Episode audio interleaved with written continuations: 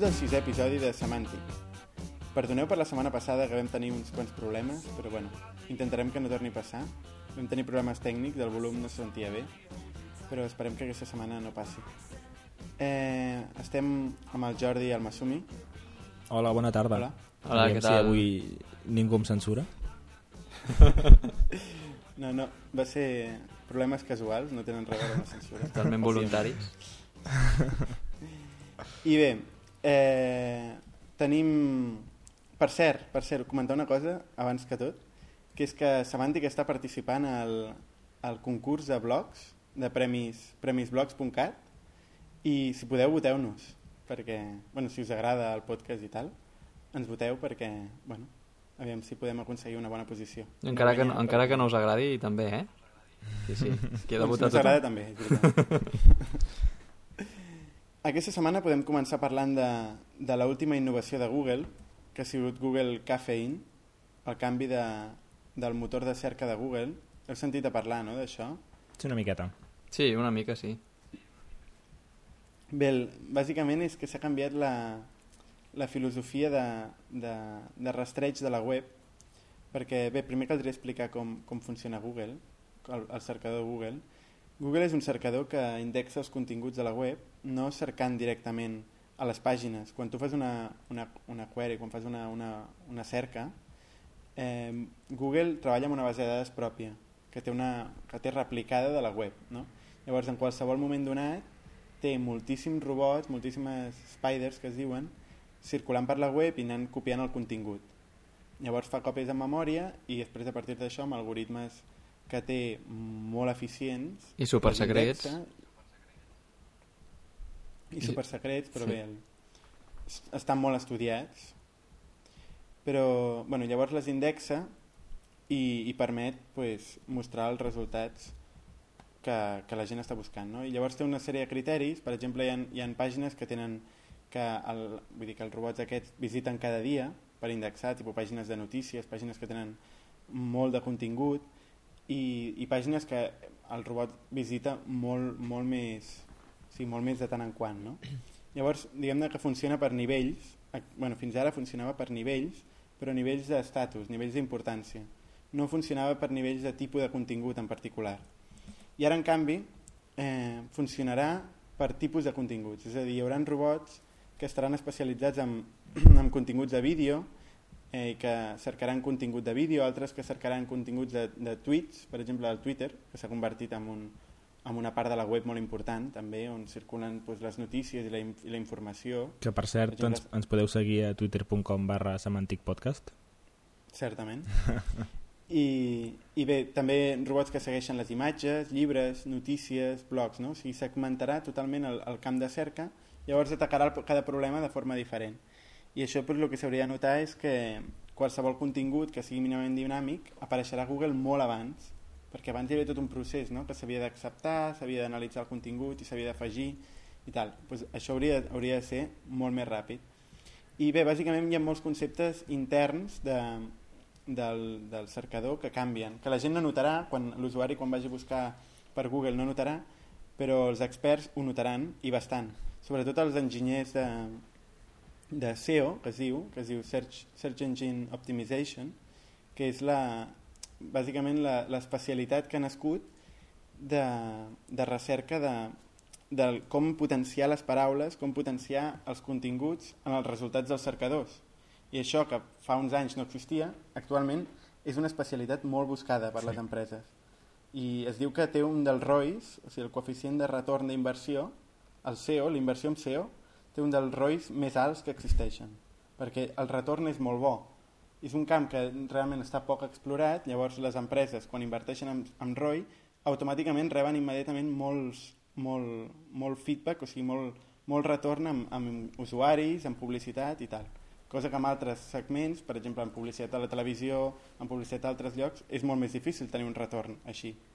En canvi, invertint en SEO, fent que la teva pàgina apareixi els primers resultats de cerca, té molt bon retorn per les empreses. No? Per exemple, citar, per exemple, el, el cas de, de BP, la petroliera, ara, ara que hi ha hagut aquest desastre enorme, no?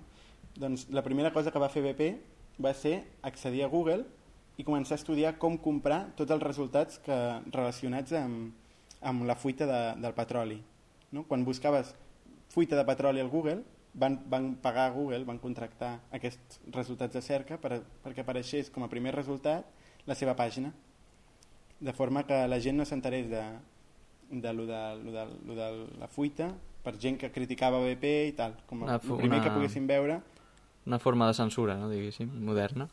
Bé, no censura perquè Google és una empresa privada Cortina de fum. i sí, ells bàsicament volien assegurar-se que la gent primer llegís la seva versió i després llegís la dels altres.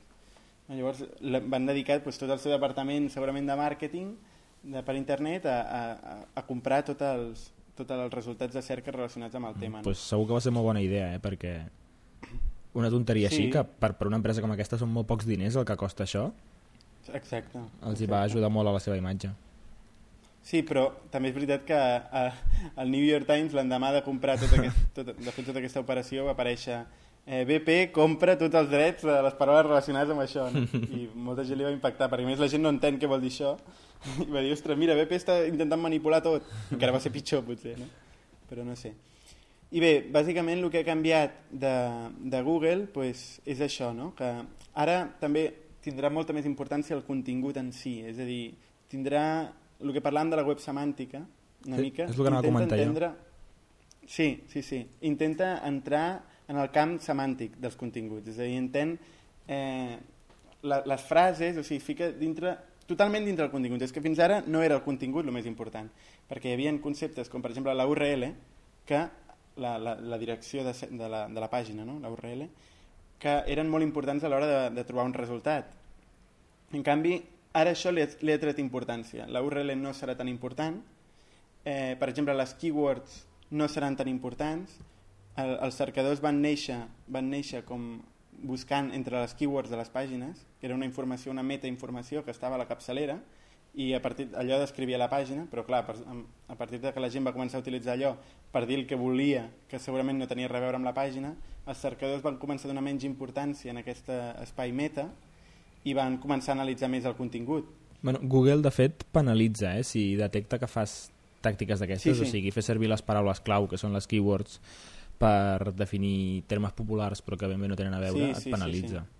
Sí, sí, efectivament. Ja fan bé. I bé, i, i l'última versió, aquesta la de Caffeine, directament passa completament del, dels continguts meta. O sigui, no servirà, no servirà de res. Bueno. El que fiquis de meta. Analitzarà el contingut. té sentit. bàsicament. En el fons, tu no busques en paraules clau ni descripcions, sinó el contingut. O sigui que Sí, sí. té tot el sentit Sí, del sí. món. I després una altra novetat també és que donarà més importància a pàgines de rànquing, tipus Meneame, Dic, Tecnocrati, Facebook. Seran pàgines que tindran més autoritat a l'hora de donar page rank, o sigui, importància a les pàgines en concret. No? Sí, sí. I bé, això no sé, no sé si és positiu pels, pels desenvolupadors de pàgines web, però bueno. Home, el, el, serà positiu pels, pels usuaris finals de Google, perquè Sí. representa que trobaran informació més acurada, no? Sí, sí. O sigui, farà Perquè menys si més cas... gent en parla, Exacte. està claríssim que, que ha de ser més positiu. O sigui, no, Però- no premiarà les pàgines que inverteixin més en SEO, sinó les que tinguin continguts Sí, sí, més sí, rellevants. De fet, això és una revolució pel món SEO, això és una revolució, eh? perquè Una ruïna. queden desbancats molts experts en SEO, que actualment s'estan fent d'or, queden desbancats perquè hauran de... es veurà realment quin SEO sap sortir d'aquest canvi i continuar pues, oferint, posant les pàgines principals a, als resultats de cerca, no sé. Uh -huh. El, el que està clar és que això va ser una clara reacció de, de Google oferir aquest sistema, o sigui, modificar el seu sistema intern. Era una clara reacció al, a, a Bing, que estava guanyant importància de, de, de El Microsoft. cercador de Microsoft. I des, Sí, i ara que parles de Bing... No, volia comentar que jo crec que també en el darrer mes o així crec que han canviat alguna cosa del seu buscador perquè em va fer gràcia que fa un temps vaig fer una comparació de buscar la, la paraula Logic Gate, porta lògica, a Google. Google, Sí. la primera resultat que em donava era Wikipedia. En canvi, Bing em, em, port, em portava tot de pàgines del Bill Gates, sorprenentment. I com a la segona pàgina sortia la- l'enllaç a la Wikipedia sobre la porta lògica, Logic Gate. Buscant Logic Gate. I ara ho he tornat a provar Ah, sí? i ara ja veig que el primer enllaç que em dona ja és la porta lògica i Bill Gates no surt ja fins... està bastant més soterrat. Però em va, sob... em va sobtar molt i crec que encara tinc la captura de pantalla per allà, o sigui que ja, ja us la buscaré. Ah, sí. I tu creus que era fet expressament o que era... No ho sé, la veritat és que no ho sé, però o, o tenien uns algoritmes molt cutres o estaven forçats perquè sortís O informació era una broma, Te- o era una broma d'algun enginyer sobre... No ho sé, no ho sé. Teòricament, teòricament estava demostrat que Bing oferia més resultats i treballava amb, amb molt més resultats, o sigui, amb molt més pàgines que Google, eh? Sí. Ara ha canviat amb Caffeine, però teòricament era així. I de fet Yahoo va pactar amb, amb, amb Microsoft per oferir Bing com el seu com a cercador. O sigui, es van, es van ajuntar, abans Yahoo era un, un gran competidor i es va juntar al paquet de Bing, o sigui que Sí, realment... bueno, fa com un any que Yahoo està en el procés de ser comprada per Microsoft, ara sí, Sí. ara no, o sigui que acabarà fonent-se en Microsoft. Sí. I bé, bueno, deixem el tema ja de... Aquest, la, la qüestió és que serà, teòricament serà més ràpid amb, Google ara, el que s'haurà notat és això, i que els resultats seran més actualitzats. Això sí, això que has dit de la Wikipedia, eh, es devalua la Wikipedia. O sigui, no, serà, no sortirà tan sovint com a resultat primer, teòricament. Oh, Però bueno, això ja, ja, ja ho veurem. Es pot provar amb, amb comparecaffeine.com, es pot provar els dos buscadors com funcionava Google abans i com funcionarà ara, i es pot provar de ficar resultats i tal. I, ho posarem a les notes de l'episodi. Sí, sí, sí. I un altre tema, un altre tema interessant per parlar aquesta setmana era l'ES, l'ES.js, bueno, l'ES, l'ES primer, que és un, un framework de CSS molt interessant que et permetia treballar directament amb CSS però amb variables, amb, amb continguts, o sigui, amb rules, amb, rule, eh, amb, amb regles aniuades, eh, amb operacions i amb macros, per dir-ho així, no? De forma que coses que, que són de calaix que s'haurien hagut d'implementar amb CSS, almenys per mi, per exemple, que puguis ficar, puguis establir una classe de CSS i puguis definir coses directament dintre d'aquella classe. Perquè és, és tot com molt lineal en CSS, no? Ho has de repetir-te moltes vegades. És molt redundant, frame- sí. Sí, és redundant. I això era un framework, bé, i eh, estava escrit en Ruby i et permetia treballar eh, pues això, utilitzant variables, operacions i tal, molt més còmodament amb CSS. I ara ha sortit per, per JavaScript. És a dir, que abans era només per Ruby, era, i si no, no utilitzava Ruby no et servia, Bueno, ara és portable... Sí, digues? No, no, que, vull dir que estava implementat en Ruby i significa que per fer-lo servir t'havies d'instal·lar l'intèrprete de Ruby. Sí, Que en principi les màquines Unix no tenen problema, però amb Windows hi havia un, una dificultat d'instal·lació una mica absurda. Sí.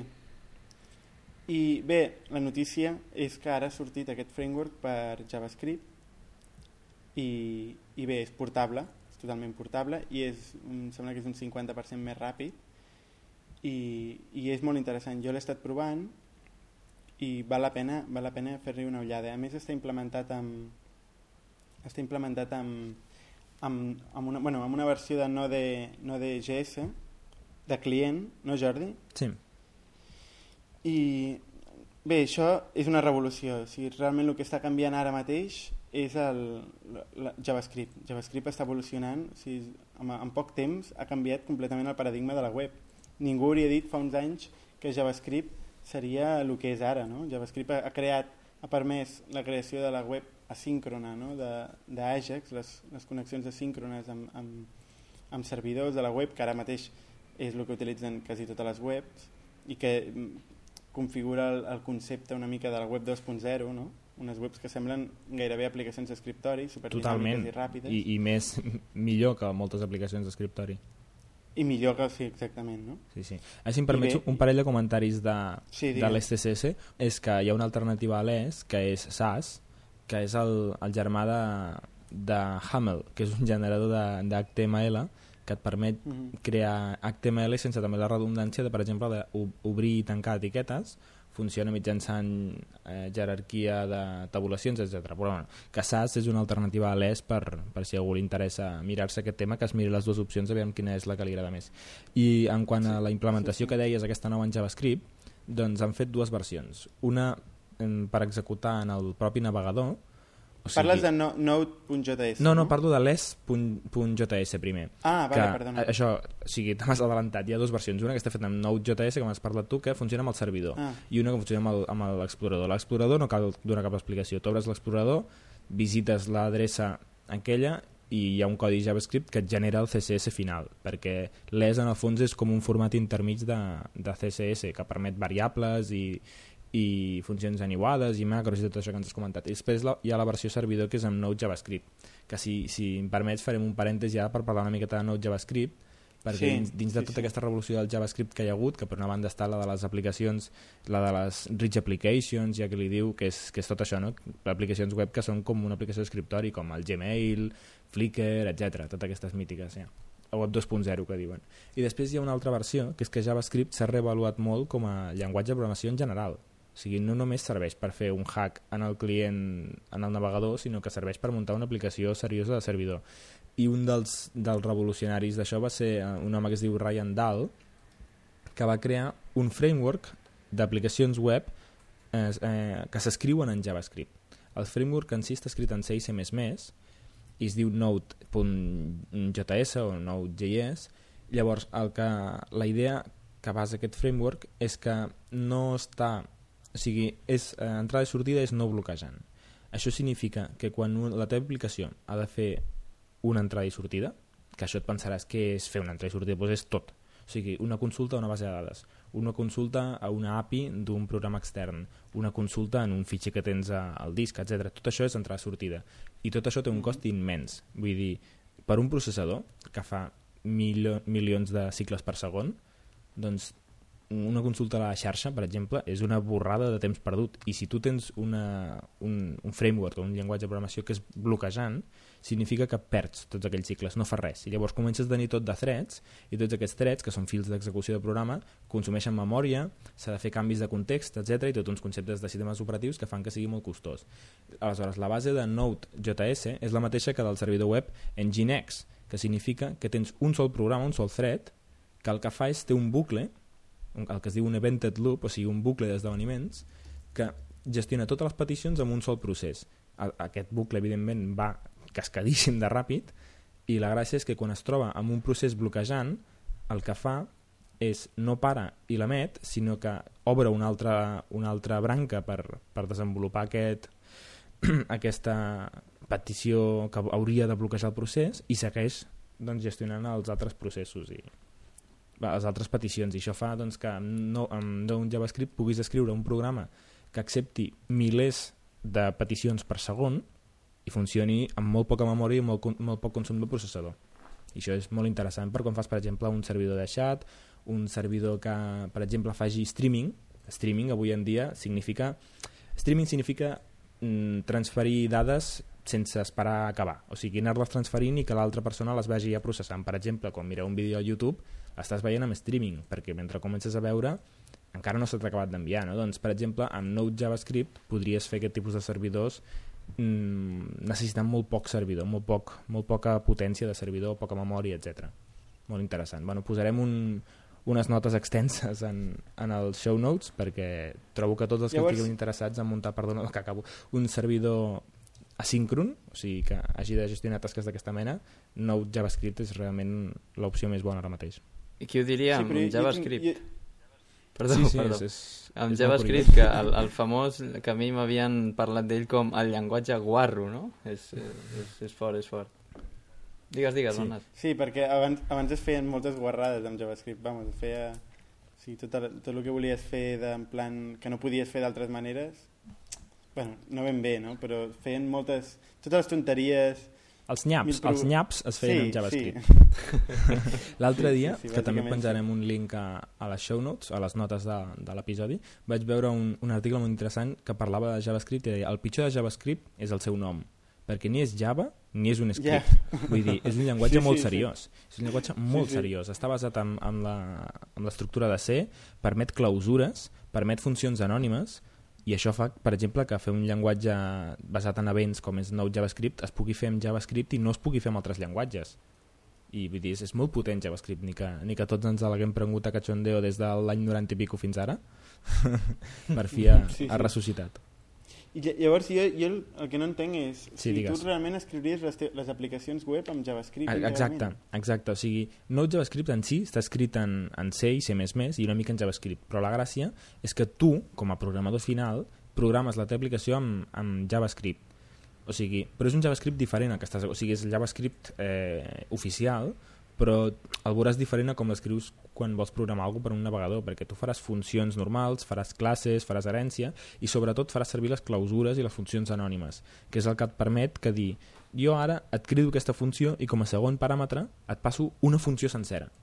Això no sé si ho heu vist, amb Ruby, per exemple, també més o menys es pot fer utilitzant els blocs, els, els, els blocs de codi Sí, de sí, Ruby, sí, sí. permeten fer això. I també, de fet, hi ha llibreries asíncrones de, o basades en esdeveniments per Ruby, com, eh, en aquest cas és Event Machine, i n'hi ha una per Python també que es diu Twisted. Mhm. Bé, molt, molt interessant el tema, eh? S'ha d'estudiar en profunditat, Sí. realment. Si interessa, comenteu en els comentaris i, i en els propers episodis doncs, podem parlar d'exemples d'aplicacions que es podrien Sí, fer, sí. etc. Sí, sí, realment. Podríem fer una versió de semàntic amb Node.js. Totalment. Però bé, pugem una mica de nivell, jo crec que podem pujar una mica de nivell perquè devem espantat a la... Que no es malinterpreti el de pujar a nivell, eh? que sembla que estàs dient que el nivell és molt baix. Puja de Sí, això ha nivell. sigut un nivell pèssim. No, no, no, No. ni, infor... o sigui, en informàtica, generalment, quan parlem de pujar o baixar de nivell, volem dir apropar-nos més a la màquina o, o a l'usuari. Pujar de Exactament. nivell vol dir apropar-se a l'usuari normal, no? Però que ho entengui tothom. Era en sí. aquest sentit que m'ho... Quan, quan ho vaig sentir per primer cop no entenia res. Llenguatge de baix nivell, em pensava que era com cutre, no? JavaScript. Sí, és molt curiós. Sí. I què més? Què més hi ha hagut aquesta setmana? Aviam, Hi ha aquesta la- setmana- La, E3, la Sí, hi ha hagut no? el E3, la- l'exposició d'entreteniment electrònic, que en diuen, on s'han presentat eh, nous... Es, cada, cada any es fa el mateix, no? I es presenten nous videojocs i cada empresa xuleja dels seus gadgets, etc. Aquest any han presentat alguns jocs com el Portal 2, el Gran Turismo 5, el Metal Gear Solid Rising i un nou Need for Speed, aquest Mhm. cop un altre cop reemprenen la sèrie de Hot Pursuit, que eren de persecucions en què pot ser tant policia com escapador. I Escapador. escapador. I fugitiu, diguem-ne fugitiu i el que, el que, Millor. el que, més, el que més ha arribat a la premsa, diguéssim, són les, les tres grans, Microsoft, eh, Sony i, i Nintendo, el que han fet les presentacions dels seus nous productes. Microsoft, bàsicament, el que ha fet és mm, tornar a presentar més seriosament aquest cop el seu famós Project Natal. No sé si n'havíeu sentit a parlar, ara li han canviat el nom, li han dit Kinect, sembla que serà el nom, el nom definitiu que tindrà. I ve a ser com una evolució del que és el mando de la Wii. O sigui, ara, eh, si la Wii va fer un mando que detectava els gestos, doncs ara el que vol fer el Kinect aquest és, sense mandos, detectar els gestos de fins a quatre jugadors. Llavors, simplement Ah, sí, sí, sí. jugaràs fent veure, fent veure que estàs conduint un cotxe, per exemple. No sé, ho havíeu sentit, no, això? Sí, sí, jo havia Sí, vist. feia temps, feia temps que, es par... que ho he sentit, que s'estava investigant aquest tema. He sentit també moltes crítiques d'això, sobretot. Sí, Crítiques. jo també he vist dem- demos, demos molt gracioses d'això. Jo no sé, jo no sé fins a quin punt això serà molt... serà fàcil de fer servir, intuïtiu o fins i tot confús, perquè, clar, són quatre jugadors jugant alhora i no sé jo, bé, no, no, no sé ben bé com funcionarà, però ho estan venent com si fos l'última cosa, no?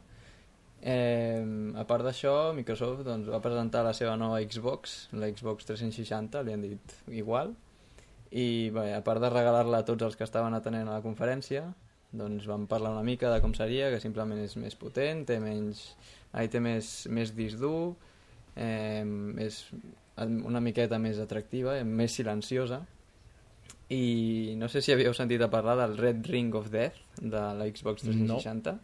No. Bé, és un, és un problema que tenien moltes Xbox, que un defecte de fàbrica, que al cap d'un temps de jugar-hi, un problema de hardware em sembla que feia que, bueno, que deixés de funcionar. I la, el botó d'encendre la, la, la màquina, que sempre és de color, es posava de color verd, doncs es posava de color vermell. I allò volia dir que la teva Xbox estava morta i l'havies de dur a, a reparar.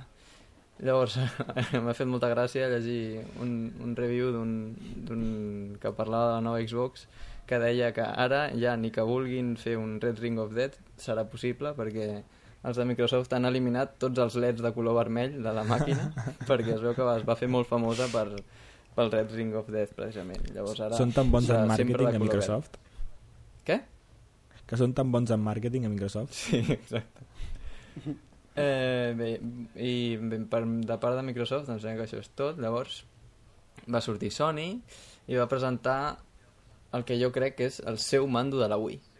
Perquè es diu PlayStation Move i és una mena de consolador lluminós perquè és una mena de, de cosa rara que sembla una vareta màgica amb una bola que s'il·lumina a la punta i bàsicament ve a ser el, el, el Wii Motion aquest, el mando de la Wii amb el Wii Motion Plus amb aquest afegitó que Sí. li van afegir fa poc al mando de la Wii en què, amb el qual detecten molts més moviments no? i ve a ser això el mateix És- i a més té una càmera em sembla És I el mando és- de la Wii amb una bombeta enganxada sí, al damunt. a la punta, exacte, és molt Sí, curiós sí.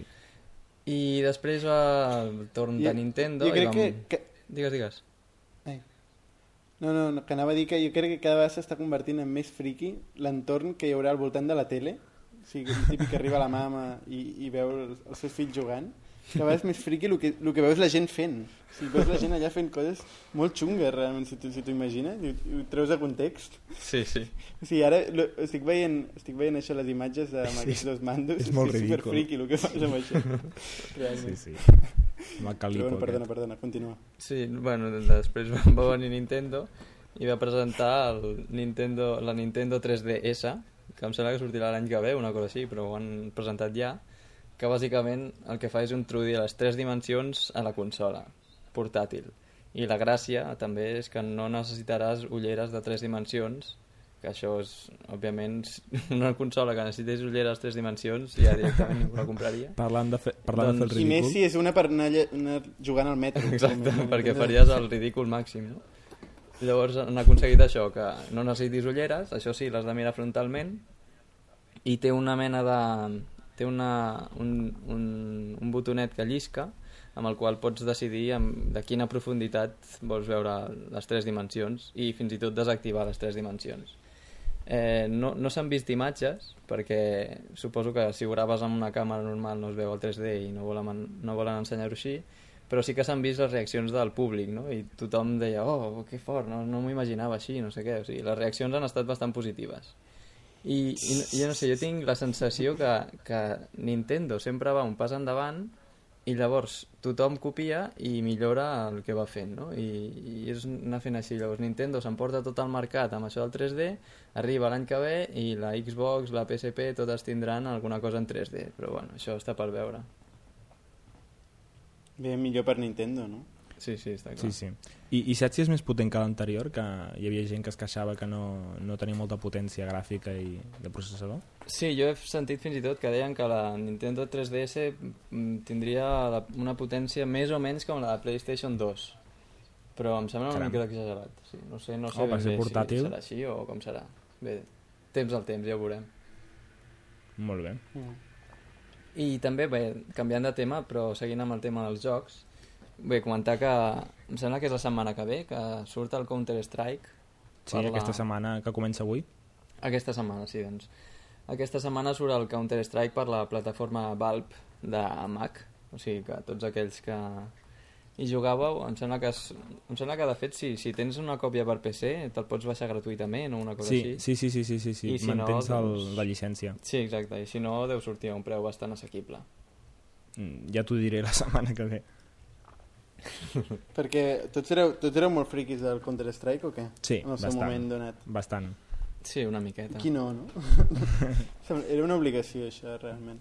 Sí. Jo a, bueno, la meva, a la meva classe no recordo ningú que no jugués al, home, al algú- potser sí, eh? tots. Realment val, val la pena recuperar recuperar això, eh? bueno avancem, en aquest, baixaré, també.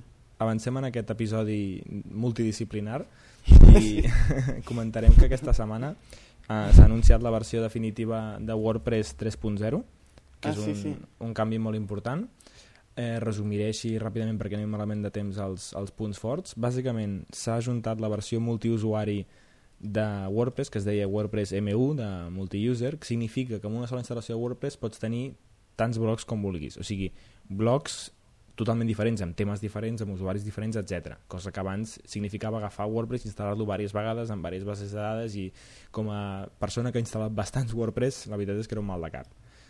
Altres canvis molt importants és que el tema per defecte ara és el 2010, que és un tema nou, bàsicament l'han fet perquè l'altre ja cansava i perquè moltes característiques noves de, de WordPress 3, doncs, en comptes de tornar-lo a implementar de nou, n'han agafat un, directament en un aspecte diferent i que incorpori totes les característiques que ara comentarem.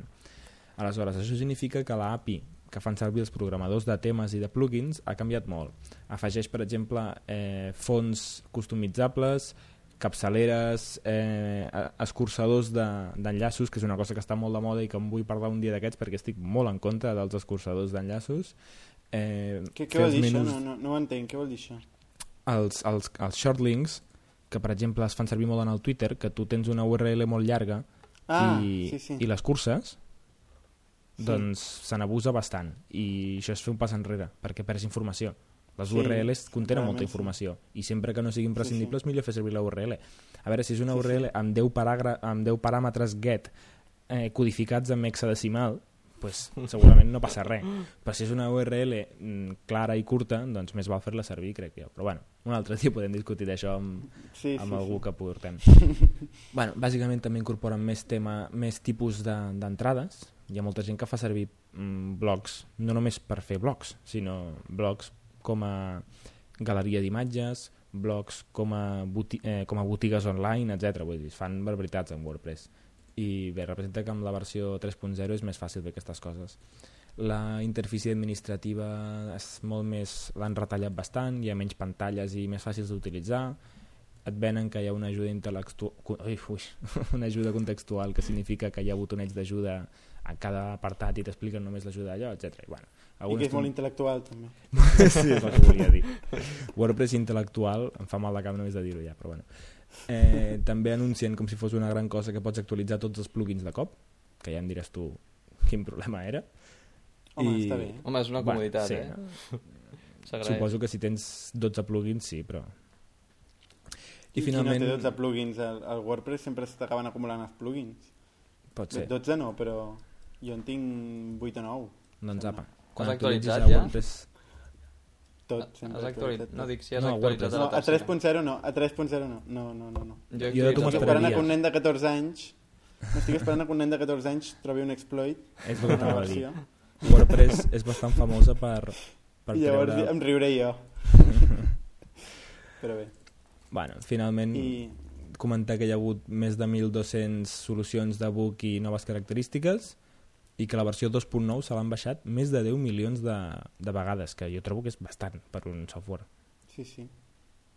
És que WordPress és molt, molt potent, eh? Sí, a mi sí. m'agrada molt com a, com a CMS. Com a, a mi m'agradaria molt si no fos PHP. Ja. Yeah. Però bueno. Però és, és bastant eficient, eh, també, i està, està bastant bé. Jo crec que està molt ben fet, no sé. 14 plugins tinc jo. 14 plugins, veus? Està bé saber-ho.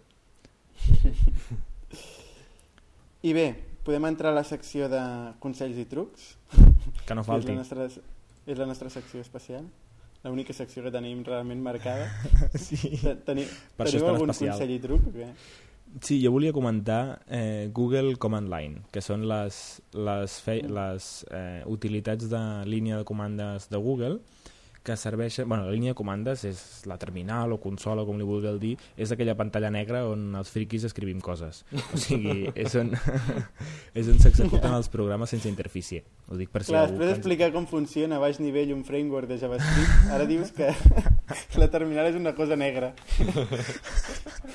Escolta, s'ha d'arribar a tots els públics, eh? que ens han arribat comentaris de gent que li interessa molt però que ho vol entendre millor. o sigui que no haurà entès res sobre nou JavaScript. Però bé, eh, és, una línia, és una eina de línia de, de comandes que et permet interactuar amb els serveis de Google, que deuen ser com 10 milions de serveis de Google, o sigui, Blogger pels blogs, Google Calendar, Google Docs, Google Contacts, Picasa, YouTube, tot això, doncs pots interactuar-hi per la línia comandes. Per exemple, això és una mica tonto perquè dius obre el navegador i fes-ho, però si tu vols automatitzar un procés, com per exemple penja un vídeo al YouTube, eh, posa un post en el meu blog que està a Blogger i apunta'm al calendar que ja l'he penjat, doncs tot això pot ser un petit programament que ho faci tota l'hora interac- interactuant amb, amb aquesta eina de comandes. I mira, està bé saber-ho per si algú Ah, necessita, Sí, segur que anirà bé. Bé, jo... Parlant d'eines de Google, la, la, perdona un moment, la, la setmana que ve parlaré d'una altra eina de Google molt interessant que és Google Webmasters, però bé, ho deixaré per la setmana que ve. Sí, M'assumir, va. perdona. Jo vull parlar d'una aplicació que, bé, no sé si uh, us passa com a mi que teniu el disc dur, potser teniu 200 gigas d'espai en total i teniu 180 ocupats però no sabeu amb què exactament i voleu eliminar coses però no sabeu quines perquè no sabeu on està el gruix, no? Llavors hi ha una aplicació que es diu Daisy Disk que, que el que fa és mostrar-te gràficament on tens aquest espai ocupat i pots anar veient i entrant en les carpetes en una, en una mena de donut que et surt i vas veient on tens l'espai ocupat i, i és, és molt interactiu i és, és molt còmode de fer servir i us el recomano això sí, aquest és una versió que em sembla que val 20 dòlars eh, de tant en tant fan ofertes i surt gratuït algun dia en, en concret jo me'l vaig baixar un d'aquests dies per això el tinc però em sembla que hi ha una I altra com, versió com te'n vas adonar? de, el què? Perdona. que era gratuït. Algun, algun blog que seguia em sembla que van posar la notícia avui és gratuït i tothom a baixar-lo. I no vaig ser menys. Mhm. I, però em sembla que hi ha una, un programa similar que és gratuït. Eh, com es deia, Jordi? Tu... Sí, jo, jo és el que faig servir, no perquè sigui garrepa, sinó perquè és el que primer vaig conèixer, que es diu Disk Inventory X, és només per Mac, al igual que aquest que estava comentant amb Masumi, Ah, sí, això és veritat. i tam, bueno, el, el nom és això, in- inventori de, inventari de disc, i el que fa és mostrar-te gràficament, menys maco, però també gràficament, els blocs que tens de, de fitxers, i bé, de seguida trobes on estàs ocupant la majoria d'espai i pots, pots arreglar-ho, o sigui, és molt útil. Mhm. Tot i que jo recomano el programa que ho recomana el Masumi, eh? perquè molt més Perquè modern et i recomano el. Masumi. No, Això perquè és, sobretot. perquè és maco, és molt maco. Paraula de Masumi. Molt bé. Doncs hem exaurit el temps que teníem pel podcast. Intentarem no passar-nos tant com la setmana passada. Així que millor que ho deixem aquí. Recordeu de seguir-nos al Twitter, twitter.com barra semanticpodcast, eh, podcast arroba semantic.cat, al mail i, bé, i subscriviu-vos a l'iTunes. Fins la setmana que ve.